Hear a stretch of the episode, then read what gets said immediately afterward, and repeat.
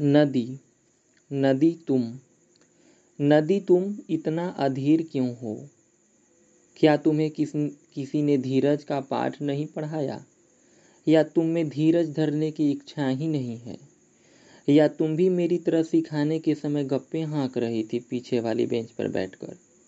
खैर, मेरा छोड़ो, मैं तो केवल अपने आप को ही बर्बाद किया हूँ। लेकिन तुम तो खुद का शक्ल बिगाड़ती ही हो। पर साथ ही साथ शहर, गाँव, सड़क, गली, दुकान, मकान सबको तबाह कर देती हो। क्या तुम्हें अपनी मर्यादा में रहना नहीं आया? या तुम्हें नहीं सिखाया गया? या तुम मर्यादा में रहना ही नहीं चाहती? तुम जिससे मिलती हो, उससे तो सीख लेती, उस साहिल से तुम सीख लेती। सहना, कि धीरज क्या होती है? और अंतिम परिस्थिति तक मर्यादा का पालन कैसे किया जाता है? मेरा क्या है? मैं तो मर्यादा सीख नहीं पाया। मनुष्य हूँ ना? लोभी हूँ। तुम तो नदी हो। अगर आज मैं सीख पाता तो आज मेरी ये हालात नहीं होती।